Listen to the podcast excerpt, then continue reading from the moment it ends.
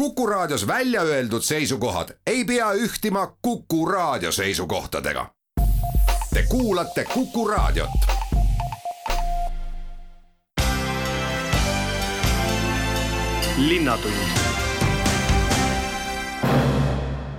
tere tänase saate märksõnad on energiatoetus, Tartu heaolu profiil, linnakirjanikud, raamatukogu aasta meie linnas ning Tartu maratoni rajaolukord, uus finišipaik ja registreerimine. läbi kuue intervjuu kuulete kõigest kohe täpsemalt.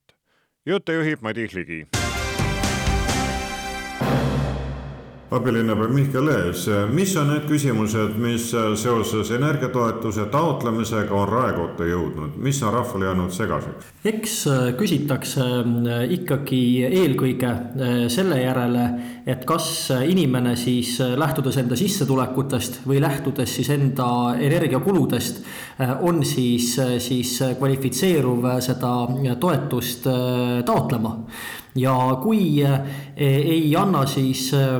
ka Tartu linna kodulehelt eh, leitav kalkulaator sellele ühest vastust, siis loomulikult aidatakse inimesel see välja nuputada nii helistades linna infotelefonile üks seitse kaheksa üheksa, kui aidatakse loomulikult inimesi ka siis, kui nad lähevad kohale, kas siis Tartu Kaubamajja või mõnda meie piirkonna keskusesse et äh, huvitav ongi see, et, et, et Tartu Kaubamaja on ka äh, saanud juba äh, mitte ainult selliseks taotluste vastuvõtmise punktiks, vaid väga palju käivad inimesed seal ka küsimas erinevaid, erinevaid küsimusi siis, siis juba enne seda, kui nad nüüd seda taotlust konkreetselt esitama hakkavad. ja see on tegelikult väga tore ja väga mõistlik, sellepärast et siis on pärast seda paberi määrimist vähem ja, ja, ja selle taotluse siis nii-öelda edasi-tagasi saatmist, kui enne on asjad selged kui inimesed tulevad paberid näpus sinna kaubamajja või ka kuhugi mujale, mis on tavaliselt maha jäänud või on kõik ikkagi kaasas, pole muud kui äh, vormist ära? Valdavas enamuses on äh, inimestel asjad ikkagi üsna kenasti kaasas. küll aga äh, vahel ikka juhtub seda, et, et, et mõni arve on maha ununenud, aga, aga ega siis sellest ei ole midagi. see arve on võimalik tuua siis kas järgi või on võimalik saata siis järgi elektrooniliselt nii et äh, igal juhul äh, Tartu linnavalitsuse head töötajad, kes äh, neid taotlusi menetlevad, proovivad anda endast parima, et, et, et ka siis, kui on selliseid täiendavaid muresid ja küsimusi, et, et, et inimene ikkagi võimalikult kiiresti ja, ja, ja konkreetselt saaks siis oma küsimustele vastused ja, ja ka selle taotluse tehtud. Kui palju tavaliselt ühe inimese peale aega kulub? väga erinev, kui äh, kõik on äh, perfektselt korras, äh, on kaasas kõik dokumendid või on saadetud siis kõik, kõik arved emaili teel või läbi meie elektroonilise menetluskeskkonna. kui ei ole näiteks sissetulekute erinevusi selles, mida inimene on ise öelnud, võrreldes sellega, mida me siis saame riiklikest andmebaasidest kontrollida, siis võib hakkama saada ühe taotluse menetlemisega isegi kiiremini kui see kakskümmend minutit, millega keskvalitsus on arvestanud aga kui nüüd tekib täiendavaid küsimusi, kui on vaja alustada inimesega näiteks kirjavahetust, et üks või teine dokument on jäänud, jäänud maha või mm, tuleb pikemalt selgitada, miks on tehtud just selline rahastusotsus, nagu on tehtud, no siis võib see protsess minna ka tunni aja pikkuseks ühe inimese kohta. nii et, nii et äärmiselt, äärmiselt erinev on see kas siiani on sujunud kõik rahumeelselt või on äh, mõni inimene tulnud suisa tagasi saata? on ikka ka äh, selliseid äh, avaldusi, mida me ei ole saanud rahuldada et äh, mõni päev tagasiseisuga äh, oli meil lõpuni menetletud, see tähendab, et oli siis tehtud kas positiivne või negatiivne otsus suurusjärgus kahesaja viiekümne äh, avalduse suhtes. ja neist kakssada said siis positiivse otsuse ja paraku viiekümnel juhul siis, siis pidime andma inimesele negatiivse otsuse, kuivõrd kas siis inimese leibkonna sissetulek oli liiga suur või siis energiaarved ei olnud piisavalt suured, et äh, toetusele kvalifitseeruda millises vahemikus kõiguvad Tartus need summad, mis siis energiatoetusena on välja makstud? no need väiksemad summad on seal paarikümne euro kandis, aga, aga suuremate summade puhul me räägime nüüd ikkagi äh, suurusjärgus tuhande eurostest äh, toetustest. siin küll mitte ühe kuu kohta, vaid need on taotlused, kus inimesed on esitanud oma energiakulud näiteks septembrist detsembrini ja, ja, ja need suured väljamaksed on siis summaarsed mitme kuu peale kokku Need, mis käivad jaanuari, veebruari, märtsi kohta, nemad veel tulevad ja siin on jällegi inimestel erinevaid võimalusi. et kui tundub, et leibkonna rahakott kannatab, oodata, siis mugavam võib-olla inimese jaoks on see, kui mitte käia iga kuu, vaid koguda nüüd jällegi näiteks jaanuari ja veebruari ja märtsi arved kokku ja tulla siis, tulla siis näiteks aprillis korraga taotlema energiatoetust kolme kuu kohta. aga loomulikult me mõistame suurepäraselt seda, et, et, et kõikide leibkondade rahakott kahtlemata ei kannata sedasi oodata. ja, ja sellisel juhul võivad inimesed tulla noh, näiteks veebruarikuus küsima toetust jaanuari kohta, näiteks märtsikuus küsima toetust veebruari kohta. ja menetleme kõik ka sellised noh, nii-öelda üksikute kuude kaupa toodud taotlused kenasti ära selle teema lõpetuseks, härra abilinnapea, kas sotsiaalabi osakond on tundnud juba survet, et nüüd, kui need energiahinnad tõusevad, tõusevad ka teiste asjade hinnad ja need inimesed, kes teenivad vähem, satuvad nüüd raskustesse ja tulevadki sotsosakonnast küsima, kuidas linn saab neid aidata? no eks ju lisaks sellele energiatoetusele on meil olemas veel ka toimetulekutoetuse mehhanism, mida me kasutame siis nende perede puhul, kellel on kõige keerukam eks on meil võimalik äh, maksta inimesele ka ühekordset äh, toetust, äh, juhul kui on näha, et, et, et noh, tal on mõnel kuul olnud mõni selline suurem väljaminek, mille tõttu siis, siis tema toimetulek väga selgelt kannataks. et need hoovad on meil põhimõtteliselt olemas. küll aga praegu sellise üldise elukalliduse tõusu kontekstis me hüppelist pöördujate arvu ja täiendavate toetuste kontekstis ei ole täheldanud täheldanud äh, küll äh, teatavat äh, sellist võib-olla murelikkust ja, ja, ja rohkem küsimusi, et mis siis saab, kui näiteks ühel või teisel kuul peaks mul väga raske olema aga, aga siin ma julgustan jällegi kõiki häid tartlasi, kes, kes tunnevad, et, et, et neil on mure kindlasti sotsiaal- ja tervishoiu osakonna poole pöörduma. et äh, me ju arvestame sellega, et, et, et inimesed on erinevad ja leibkondade võimalused, leibkondade mured ja rõõmud on väga erinevad. nii et kui vaja, siis katsume ikkagi igale perele noh, ka nii-öelda sellise rätsepa tehtud lahenduse leida. kui selle energiataotluse olemus on negatiivne, sest kellel see hinnatõus siis ikka meeldib, siis heaoluprofiili koostamine olemuslikult positiivne, et midagi läheb ka hästi. miks Tartu linn sellise üldse kokku pani? No eks ju tark linnavalitsemine eeldab äh, ikkagi seda, et äh, meil on äh, alusandmed, mida me saame analüüsida, millest me saame järeldusi teha ja, ja, ja millest lähtuvalt siis, siis kujundada ka Tartu linna poliitikat, kujundada seda, kuhu me raha suuname. ja, ja, ja noh, mis on siis selle poliitika tegemise eesmärk, eks ikka see, et, et, et siis tartlastel oleks Tartus maksimaalselt hea elada ja selleks on ka koostatud äh, see heaoluprofiil. Äh, mis siis küsib selle järele, et, et, et milliste äh, inimeste elukvaliteeti mõjutavate küsimustega on Tartus hästi ja, ja milliste inimeste elukvaliteeti mõjutavate küsimustega nii hästi ei ole. tundub, et tartlastele see elukeskkond iseenesest kenasti meeldib, hinnatakse meie puhkamis, sportimis, rekreatsioonivõimalusi, tervise hoidmise võimalusi väga headeks aga millest mm, selle profiili järgi puudus on, on näiteks ligipääsetavusest äh, erivajadustega inimestele siis, äh, siis erinevatesse hoonetesse, kohati ka linnaruumis äh, välja toodud eriti just sellised vanemad hooned, mida ehitades omal ajal võib-olla viiskümmend või sada aastat tagasi ei osatud veel noh, erivajadustega inimeste peale absoluutselt mõeldagi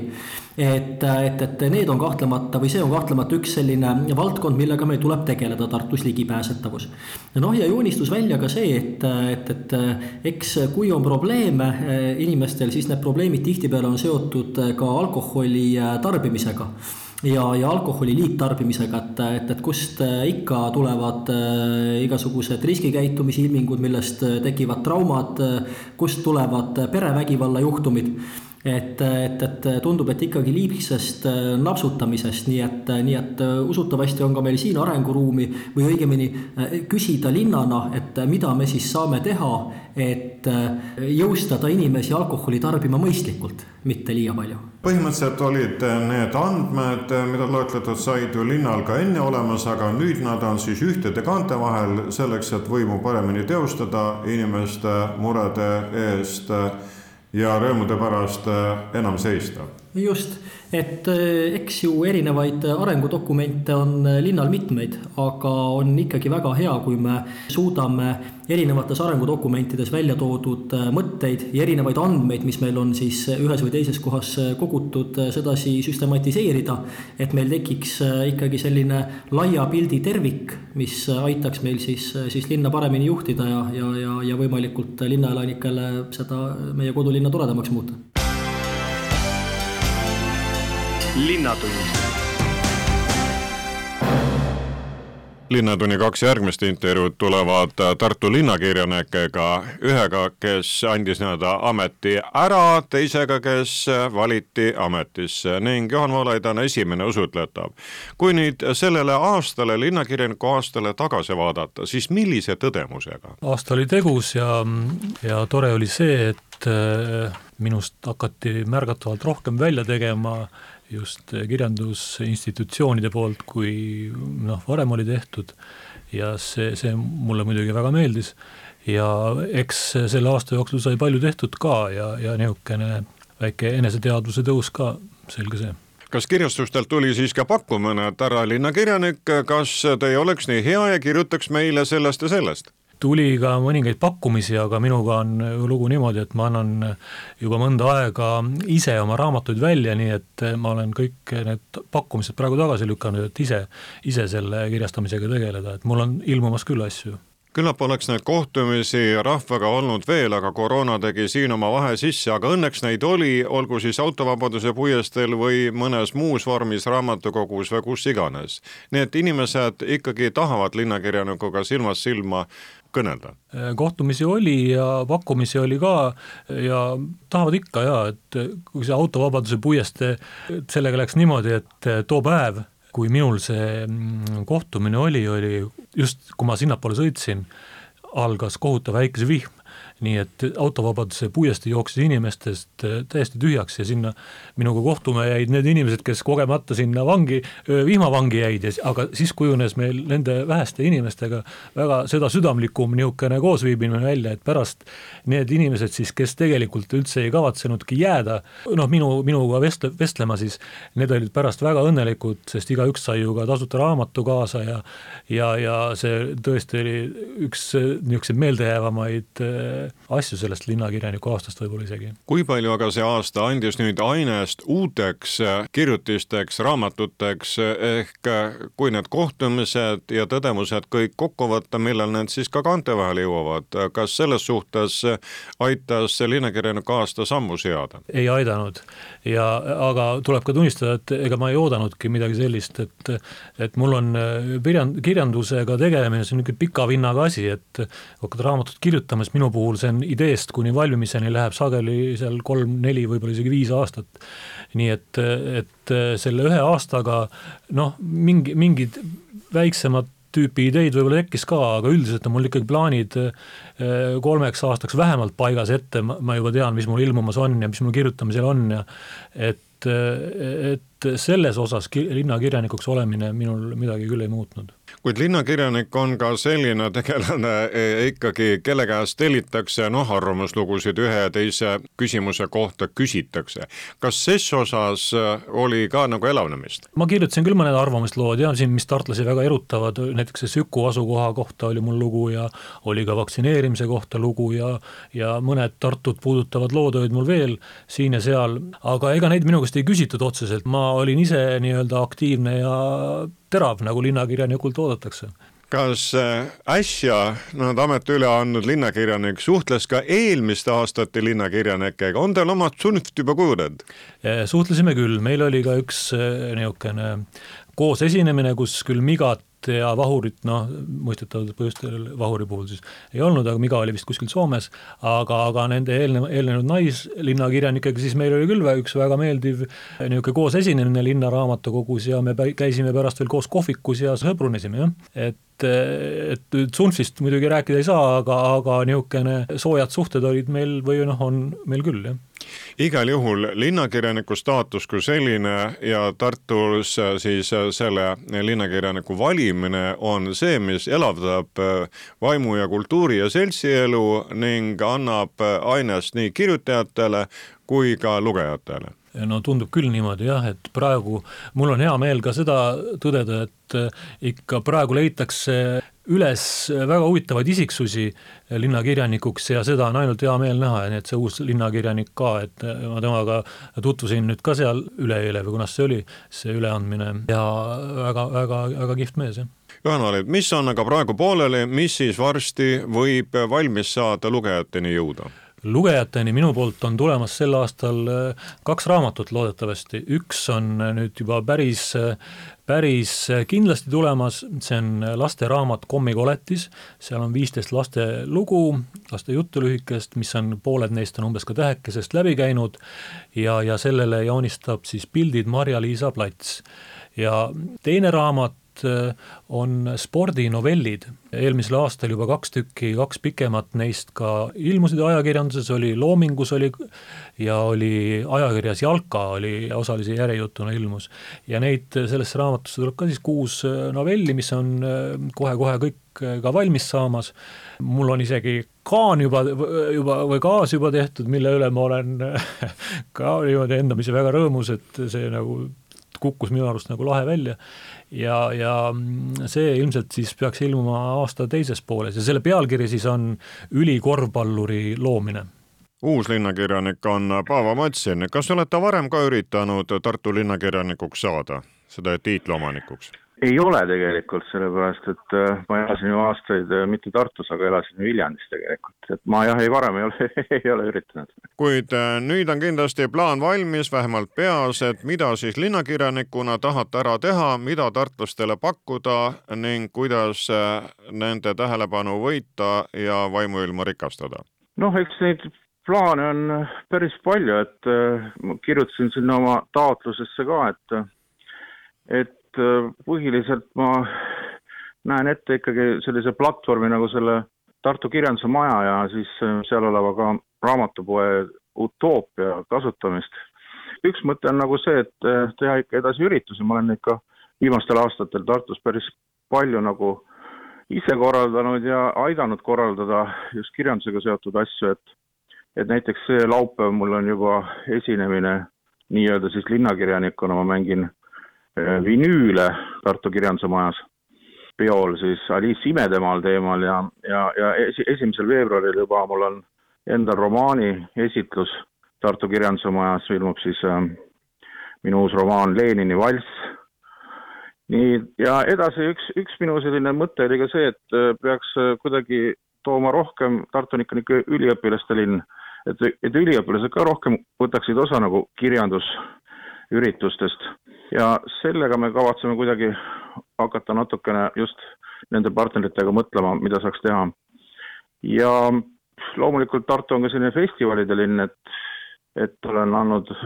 nõusoleku ja soovin koostööd teha siis ka suure festivaliga Prima Vista, kus ma teeksin mõningaid linnatuure just äh, siis oma romaani põhjal, sest romaani, uue romaani tegevus toimub ka Tartus tegelikult. ja eks neid järjest tuleb neid asju, et äh, kindlasti ka, ka linnakodanikud võtavad minuga ühendust kui on vaja kuskile kõnelema minna või mujale. nii et kalender on nagu küllalt tihe tegelikult, et mul on ka, ja üks punkt oli ka see, et et ma tutvustan nagu välismaal käies just Tartut, esinen siis ka Tartu linnakirjanikuna alati, et mul näiteks tuleb siin raamatuesitlus Hispaanias ja ja võib-olla veel mujalgi, võib-olla Berliinis ja. Et, et kuidagi anda, teha neid asju edasi, mida ma olen ka siiamaani teinud, ütleme nii mitte hüpata nagu kuidagi pükstest nüüd välja järsku. aga ikkagi tiitel on juures ja eks lisa ka kaalu. No absoluutselt, ma, ma arvan küll, et ma pean nüüd ikka korralikumalt käituma. Kuid... et selles mõttes see on selge, noh, praegu tuleb ikka nagu pigem, pigem aktiivne olla, et et nagu aktiivne ja avatud, on ju, ja see on selline Tartule pühendatud aasta, et ma olen selleks nagu valmis, et seda teha kas Tartu kui ülikoolilinn inspireerib teid ka kirjutama, kui te midagi loote, paberile panete või arvutisse lööte, siis just nimelt teete seda Tartus või see koht kui selline pole loomingu jaoks nii oluline? nojah, et tänapäeval ikka kirjutatakse nagu arvutisse, on ju, et ega ma olen ka kirjutanud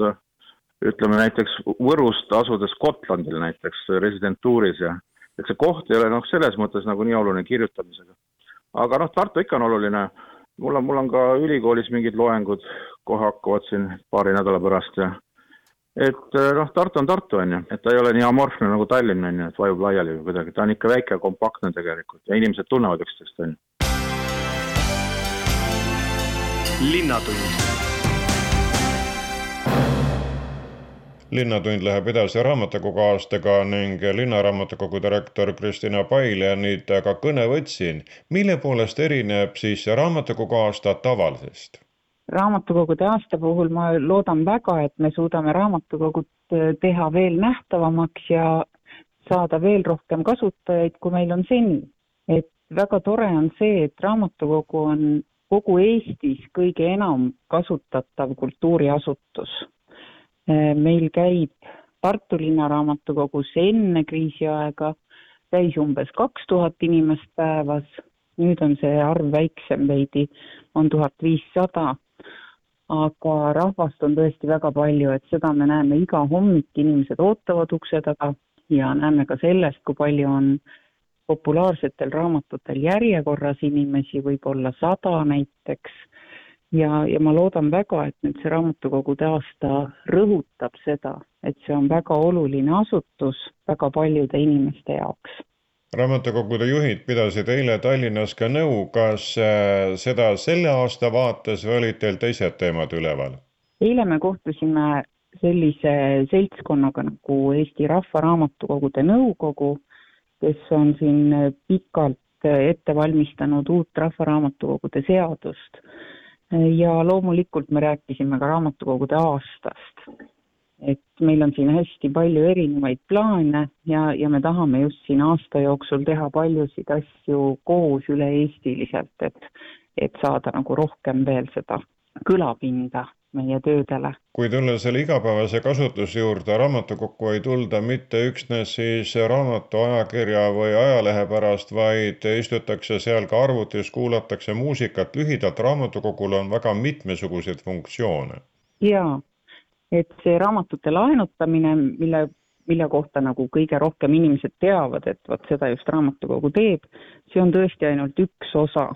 see on väga suur osa, aga see ei ole ainus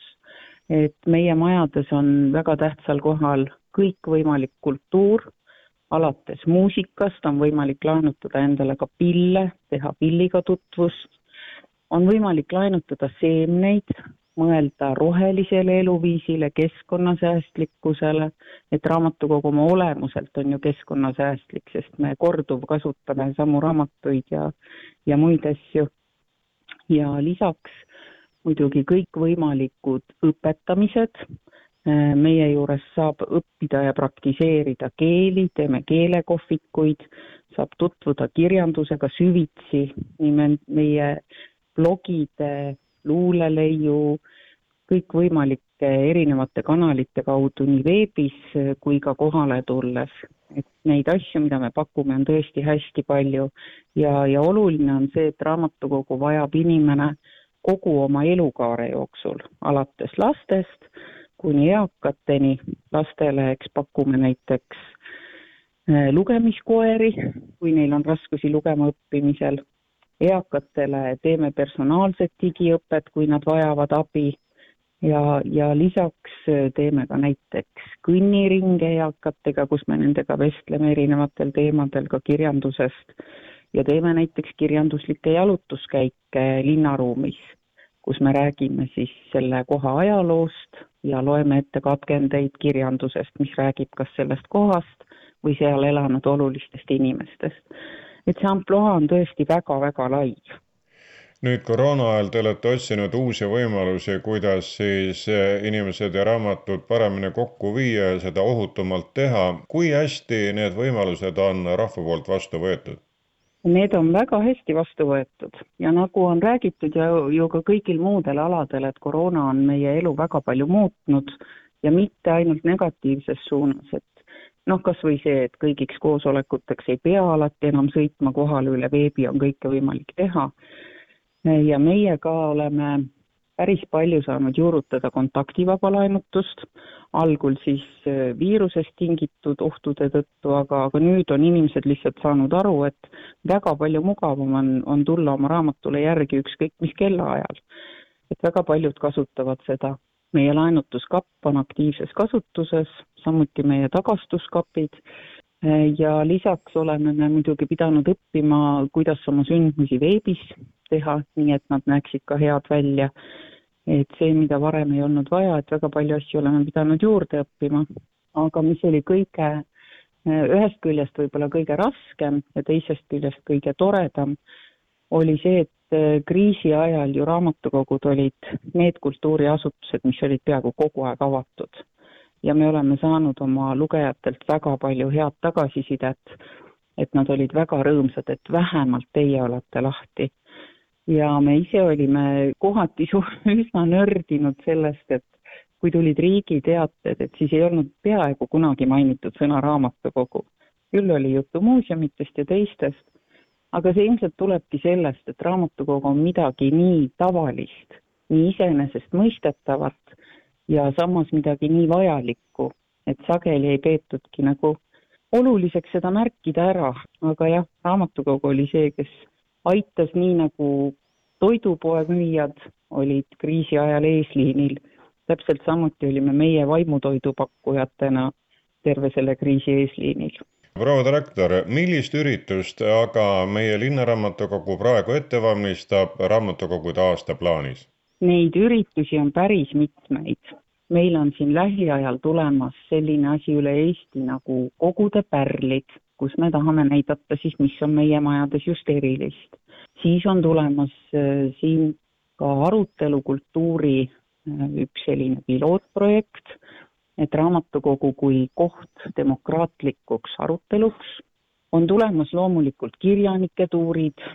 on mitmeid näitusi, ka meie plaanime enda näitust teha siin Poe tänava ees, eh, suuremat näitust eh, raamatukogu tutvustamiseks. Tuleb fotokonkurss, tuleb eraldi projekt Raamatukogud ratastel ja, ja ratastel raamatukokku, tuleb eraldi päev, kus me tutvustame, millised kaugtöövõimalused on raamatukogudes, tuleb ka raamatukogude tants, et neid asju, mis on tulemas, on väga palju ja, ja aasta lõpupoole eh, räägime raamatukogude tulevikust, mis on meie jaoks väga oluline teema, eh, on plaanis ka üks häkaton ja on plaanis ka üle-eestiline ööraamatukogu. aga see kindlasti ei olnud veel kõik, mida, mida ma mainisin. Linnatund nüüd tuleb kaks intervjuud Tartu maratonist, tuleb sellepärast, et eh, teada anda, mida Torm on rajale teinud, eh, kus on uus finišikoht ja kuidas on lood registreerimisega ja millised variandid sel aastal üldse üles tulevad. alustan eh, rajameister Asser Kütiga, kellega saime teisipäeval raja peal kokku, kui ta saak käes siis tormikahjustusi likvideeris. Neid Ellu poole otsas oli rohkem kui Otepää kandis vist? Ma Otepääni ei sõitnudki, ma sõitsin ainult äh, Palu, nii et äh, see kuusteist kilomeetrit ja selle maa peal oli üks kümmekond puud äh, maha tulnud, et aga seda okkaprahti ja puuoksi ja kõik seda on küll päris palju, nii et nüüd ootame selle, järsku tuleb lund rohkem, et siis saab kõik lume alla ära preesida no õnneks natukene on seda tulnud, nii et need jäised rajad on saanud kerge lumekirve peale. Jah, ega praegust ongi see paar sentimeetrit on niisugust lund peal ja see, need hullud jäised kohad on ära, et üldjoontes ega väga palju neid ei olnud, et äh, siin Elva poolsel otsas oli rohkem neid jäiseid kohti, aga Otepäält sealt Palult Otepää poole, seal on ikkagi lund rohkem ja seal on ikkagi rohkem talve moodi rahvast on Tartu maratoni rajal eriti nädalavahetustel palju, enamasti suusatatakse, kuid on ka matkajaid, kes käivad raja kõrval või koerajalutajaid kuni ühe autoomanikuni välja, keda laupäeval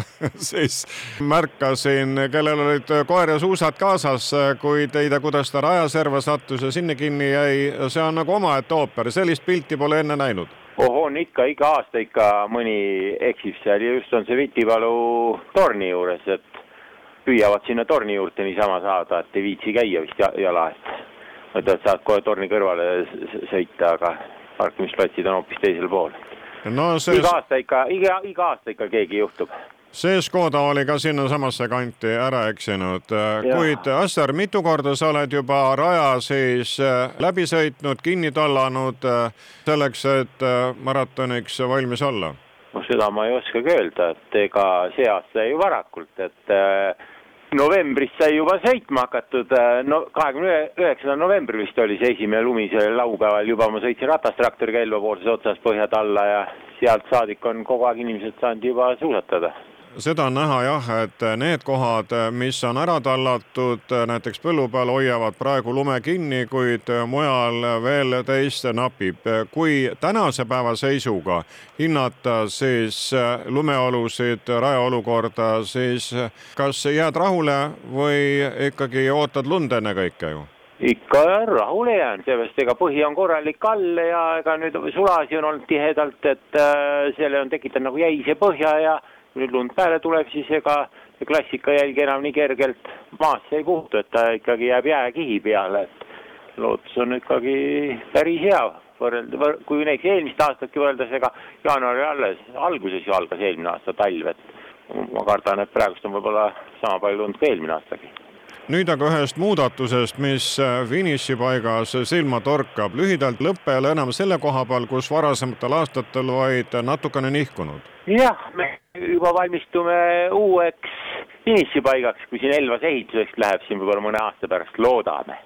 et äh, teeks juba uued lahendused, et praegune jah, finišipaik tuleb sinna, kus inimesed on,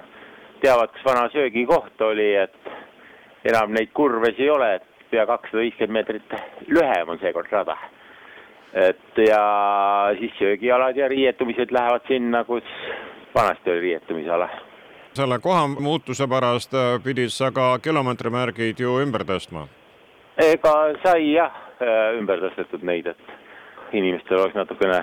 arusaadavam. ega ainult siit Elva poolt, Otepäält kõiki me ei jõua ümber tõsta, et äh, meil on need postid on maasse ära külmunud ja ei hakanud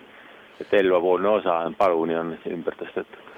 teisipäeval pidasid maratoni korraldajad ka Tartus nõu. praegune seis on selline, et kes tahab suusatama minna, olgu siis nädala sees või nädalavahetusel, siis Otepää-Ello vahel annab sõita igal pool ja, ja no ongi järgmine kord nüüd, kui see lumesadu ära tuleb, siin reedel ikkagi lubab ikkagi mingit lund maha, et ilmselt ma laupäeva hommikuks jätan selle tuleku ära uuesti tegemiseks, et laupäev-pühapäev saavad uued lootused, uued jäljed sisse, et siis on uus külm peal ja praegust ei taha seda sulailmaga kinni sõita, seda kirmetis. nüüd aga juba finišist starti ehk äh, kuidas ennast Tartu maratonile kirja panna, seda tulin uurima sekretäriaadi juhi Aet Nurga käest, sellepärast et registreerimine juba käib, aga võimalusi ja variante on ju mitmesuguseid, kes mida tahab ette võtta? jah, tänavu on meil võimalusi päris palju, kes soovivad koha peale tulla, siis neile on põhipäeval nagu meie traditsioonilised distantsid kuuskümmend kolm ja kolmkümmend üks kilomeetrit, kes tahab sõita vabas stiilis, neil on võimalus seda teha nädal varem avatud rajal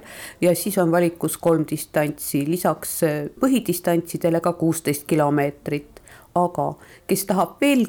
lihtsamalt läbi ajada, siis on äh, kolmeteistkümnendal veebruaril peetakse ka teatemaraton ja siis kuuskümmend kolm kilomeetrit jaguneb siis nelja osaleja vahel ära, et kellel on sobiv see lühem versioon sõpradega, sugulastega koos läbida, siis äh, tulge teatemarattonile. aega veel arutada on, ükskõik, kes siis millise distantsi kasuks otsustab või sõpruskonna kokku ajab selleks, et äh, teatemaratoni sõita. kui paljud inimesed on juba oma liisu langetanud? teatemaratonil on praegu kirjas kaheksa võistkonda, avatud raja inimesed äh, veel natukene mõtlevad aga põhisõitudele on pikal distantsil üle kahe poole tuhande ja kolmekümne ühel kilomeetril üle viiesaja. aga lisaks neile on võimalus ka kaugosalusega maraton läbida ja tänavu on meil lisaks nendele tavadistantsidele ja kuueteistkümnele kilomeetrile võimalus sõita maratonikombo kuuskümmend kolm kilomeetrit siis jupikaupa vähemalt kuus koma kolm kilomeetrit korraga ja eriti vastupidavatele siis või väga äh, tublidele kordade mõttes, siis on kaks korda kuuskümmend kolm kilomeetrit ja sama minimaalne distants on kuus koma kolm kilomeetrit. Nendes kaugosalustega on juba ka lõpetanud kui vaadata ka seda geograafiat ehk kes kustkandist on siis otsustanud Tartu maratonile tulla? Suusamaraton on selline väga rahvusvaheline üritus ja sealt on, sealt on ikka osaleda soovijaid igast maailma otsast, et praegune aeg muidugi peab nat-, seab natukene piiranguid, aga päringuid reisivõimalust, et saabumistingimuste kohta, et neid tuleb ikka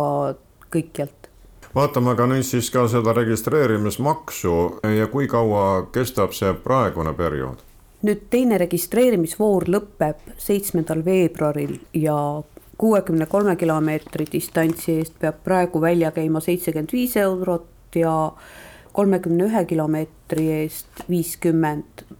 kuni kaheksateistaastastel ja pensionäridel on soodustus viiskümmend protsenti. kes paneb kirja suurema grupi kui kümme inimest, siis neil on grupisoodustus miinus kümme protsenti aga enne suurt maratoni on tavaliselt olnud ka lasteüritused, kas selle jaoks tuleb ka veringuid hoida või need on tasuta? jah, lasteüritused eelmisest aastast alates on meil väikese osalustasuga, see on kolm eurot nii põhipäeval kohale tulles kui ka virtuaallastesõitudel on osalustasu. Kallid kuulajad, käes on aeg jutu otsad kokku võtta, kes siis täna teile ja millest rääkisid selgitusi informatsiooni jagasid abilinnapea Mihkel Lees, kelle intervjuu sisuks oli energiatoetuse taotlemine, maksmine või sellest keeldumine, valminud Tartu heaolu profiil ning koroonatestide tegemise